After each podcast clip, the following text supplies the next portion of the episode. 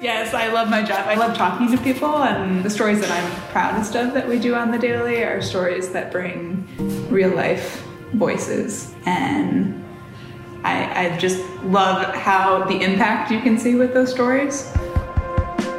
U hoort Claire Tunniscutter, producer en journaliste bij The Daily, de dagelijkse nieuwspodcast van The New York Times. De voorloper van alle nieuwspodcasts in de wereld en dus ook, eerlijk is eerlijk, een inspiratie voor ons. Met haar en andere gasten hebben we het vandaag eens over ons. Over onszelf, over nieuwspodcasts.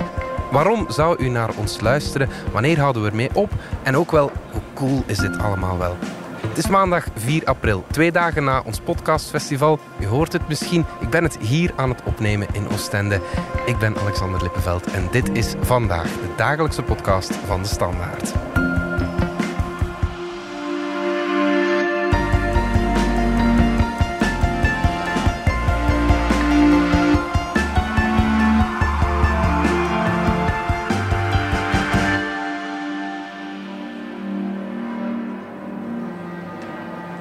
Wat ik mooi vind aan podcast is dat je heel veel vrijheid hebt. Uh, zowel voor de makers als voor de luisteraars. Je kan het zo lang maken als je wilt, zo kort maken als je wilt. Uh, je kan heel diep gaan graven of je kan eerder op de oppervlakte blijven. Het is um, een van de persoonlijkste ja, manieren om iets over te brengen aan de mensen, vind ik. Dat vind ik ook wel het leuke aan een podcast, dat je heel informatieve nieuwspodcast hebt, maar ook echt entertainment. Voor mij is een podcast de perfecte vertaling van de on-demand maatschappij waar we eigenlijk naartoe gaan. Ik vind het ook soms heel magisch hoe dat een podcast je eigenlijk zo kan meesleuren, terwijl het gewoon enkel klank is. En toch zit je volledig in een nieuwe wereld. Meer leren over het nieuws, politiek, sport zijn topics die mij interesseren en waar dat ik in het drukke bestaan dat wij er allemaal in zitten, niet altijd de tijd voor vind, is voor mij een podcast een ideaal medium om uh, mezelf up-to-date te houden met wat er leeft in de maatschappij. We zijn zo stilletjes aan het denken van moeten we dat zelf niet een keer proberen, een podcast maken. En uh, dan is dit de perfecte plek om een keer te komen uh, grasduinen in de mogelijkheden. Dit weekend hielden we een podcastfestival in Oostende. U hoort het misschien nog wat aan mijn stem. Workshops, lezingen, ontmoetingen. U weet wel wat een festival is. Een van onze gasten was Claire Tenniscutter. Ze werkt al sinds 2017 voor The Daily, de dagelijkse podcast van de New York Times. En ze is daarmee een van de eerste producers van wat intussen wereldwijd als de blauwdruk van de nieuwspodcast wordt beschouwd. Met zijn meer dan 2 miljoen downloads per dag is The Daily bovendien de populairste podcast in de VS en mogelijk zelfs in de wereld. De Daily is intussen zelfs populairder dan de krant The New York Times zelf. Op het festival gaf Claire een workshop over hoe de daily wordt gemaakt. Voor haar is de kracht van podcast dat mensen niet alleen een quote hebben, een paar letters op papier, maar een echte stem krijgen. Tunniscutter vertelt hoe één verhaal van een restauranthoudster die eindelijk na lange weken van sluiting door COVID weer open mocht, aanleiding gaf tot ruim 200 mails van luisteraars. Die impact is typisch voor audio en dus voor podcast. I think the audio I mean, there, and that's one of the powers of the daily is that oftentimes we're working with sources that are already in, in print stories, but when they're just a quote, you don't feel the emotion. You don't, mm-hmm. Um, you don't meet the person, and when you hear their voice, you just they feel like someone you know, and it's much more impactful. Het gaat niet alleen om de impact van een verhaal, dat vindt Claire Tunniscutter. In een podcast kan je ook een nieuwsitem dat in verschillende afleveringen in de krant is gekomen in één mooi verhaal laten samenkomen.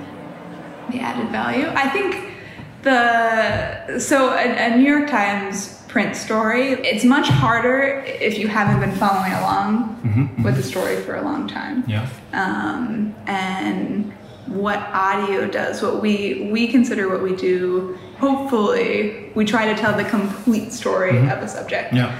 Um, so, especially when we do international stories where mm-hmm. we can't assume that Americans know that much. No, um, so we'll try to do a very complete backstory. Yeah. And I think that's extremely like beneficial to the casual news. The Daily heeft een heel ander publiek dan de New York Times zelf. Yeah, we reach different people. It's younger people. Younger people, yeah. um, more diverse, more women, particularly, okay. uh, and and more. En ja, intussen verdient de Times er ook geld aan. We also make money. I I don't actually. I mean, I need to figure. I I, I- I guess I, I should. I don't know. Um, but with the number of listeners we have and the ads we sell, yeah. Well, well, I mean, when we launched, I, I don't. Yeah. I, I don't know if they expected the show to make money. Podcast is, om het op zijn Amerikaans te zeggen, hot. Maar het is misschien een rage die gauw weer overwaait. I don't think so. I think podcasts are, are here to stay because there's just uh, the beauty of a podcast is you can listen while you're doing anything else, and like that, all that time's not going away. Um, you know, maybe how we download podcasts and exactly how we listen to them could change. Yeah. Um, you know, I think the industry is pushing from podcasts that have been free and you could get them on like I mean it's what a podcast is Yeah. an RSS feed and now it's shifting more to like the Netflixization of podcasts. Podcasts blijven, dat is zeker. Maar misschien gaat de manier waarop we ze beluisteren veranderen. Ga je, zoals een Netflix-abonnement, ook een podcast-abonnement nemen? Podcast is radio, maar dan beter, dat vindt Dennis Cutter. Mensen kiezen bewust om naar je te luisteren. it's like radio, but but better. It's radio on demand. And why is it better? Because it's on demand, Yeah. and I think as someone who makes it too, you can be so much more creative because you know that whoever's listening to you has made the choice to listen to you. Maar hoe verhoudt podcast zich tot journalistiek? Claire Tenniscutter is er zeker van dat de schrijvende journalisten van de New York Times al een en ander hebben opgepikt van de podcastmakers. because they get so much more recognition for Okay. for their work when Uh-huh. when they're on the show. that? I mean, you, you hear the human side of the reporting.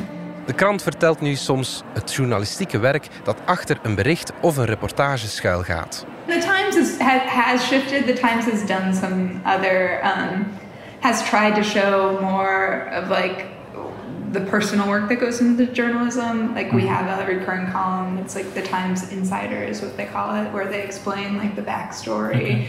Um, and you know we'll, we'll do these expanded bylines where we'll um, you know rather than just having the person's name you like include kind of the work that went into it and just things that like I, I think the daily has taught the new york times this and they're trying to do it Journalisten krijgen een stem, een persoonlijkheid. it shows the, the humanity in Yeah. the reporters and the breadth of what goes into the report that is the New York Times every day. I think, um, you know, you ask someone 10 years ago, like, who is the New York Times? And they have an image in their brain of, you know, people at desks making phone calls.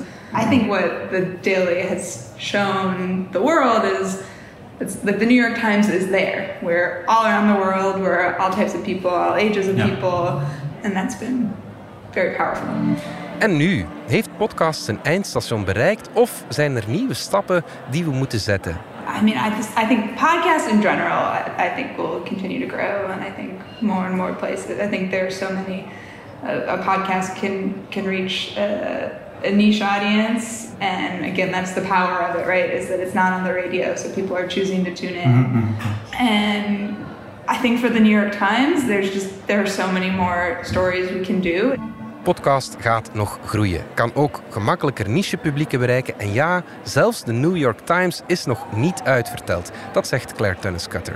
one of my colleagues has said like sh- she put it so succinctly that like the idea of working within the new york times is a documentarian's dream because you just have all these stories to play around with um, and reporters who are experts and passionate um, to work with and there are so many stories we miss that would be great stories to tell on audio. And yeah like we could be putting out 10 dailies a day if we had the producers and editors to do that Een van de andere gasten op het festival was Tom Fordes. Hij was een radiomaker bij de BBC, sportverslaggever en intussen is hij helemaal in de ban van podcast. Een paar jaar geleden maakte hij met Peter Crouch, centrumspits bij de Engelse nationale ploeg, podcasts over voetbal.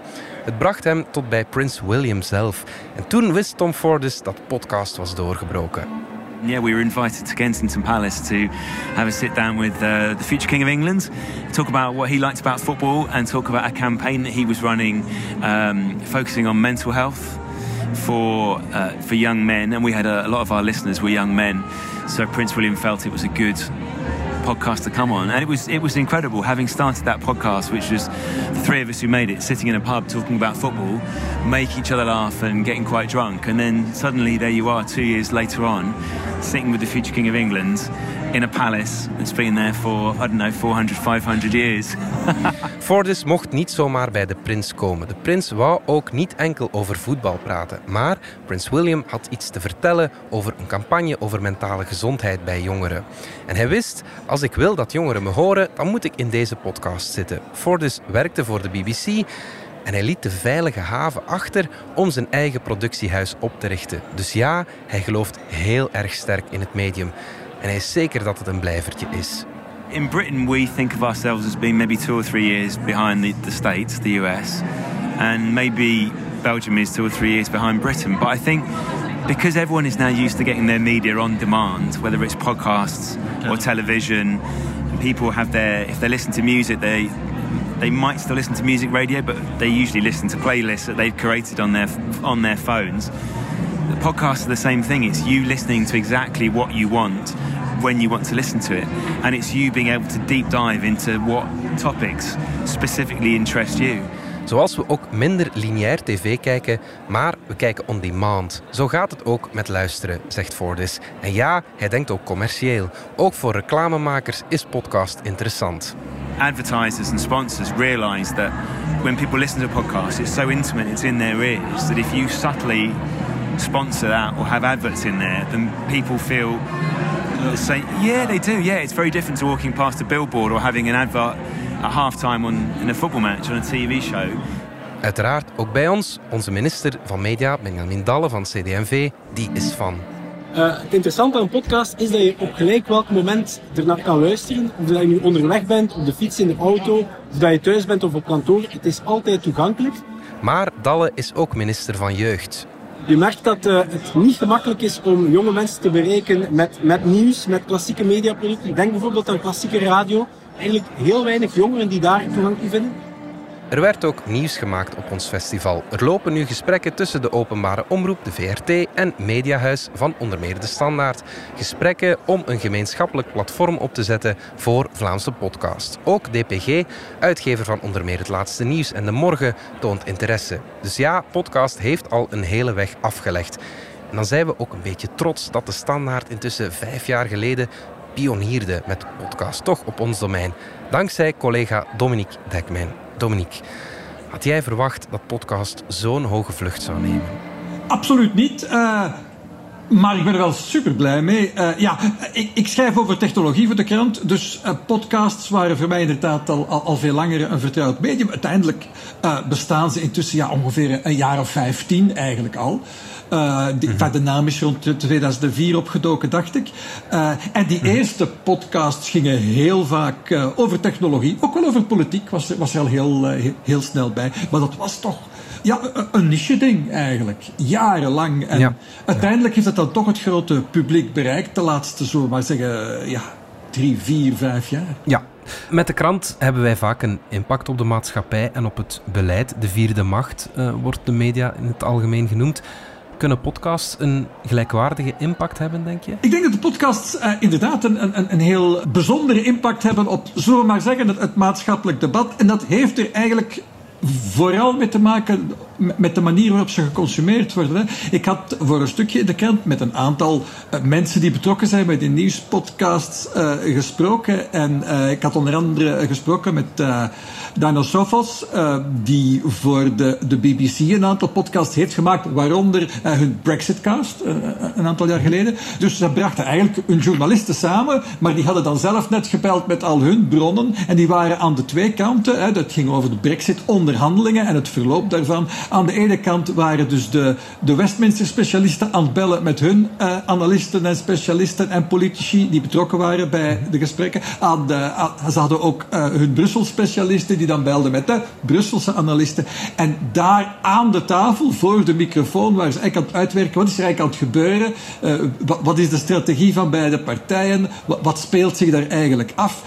En die ideeën doken dan, en dat hoorden dan die mensen dan de volgende dagen dan van hun bronnen bij de onderhandelingen, dat dat rechtstreeks invloed toen op de manier dat die uh, onderhandelaars elkaar zagen en elkaar strategie okay. begrepen. Dus ze hoorden eigenlijk via de podcast hoe hun tegenstander erover dacht en wat hij waarschijnlijk van plan was. En dat, dat heeft wel degelijk die indruk had, had de maker zelf. Ik denk dat dat relatief verregaand is, maar het ja, is ja. wel zo dat ja, een podcast heeft duidelijk een, een impact die een geschreven is bericht minder heeft. En dat heeft veel te maken met ja, hoe dat uh, van jij en ik nu bij wijze van spreken in het oor van de luisteraar aan het fluisteren zijn.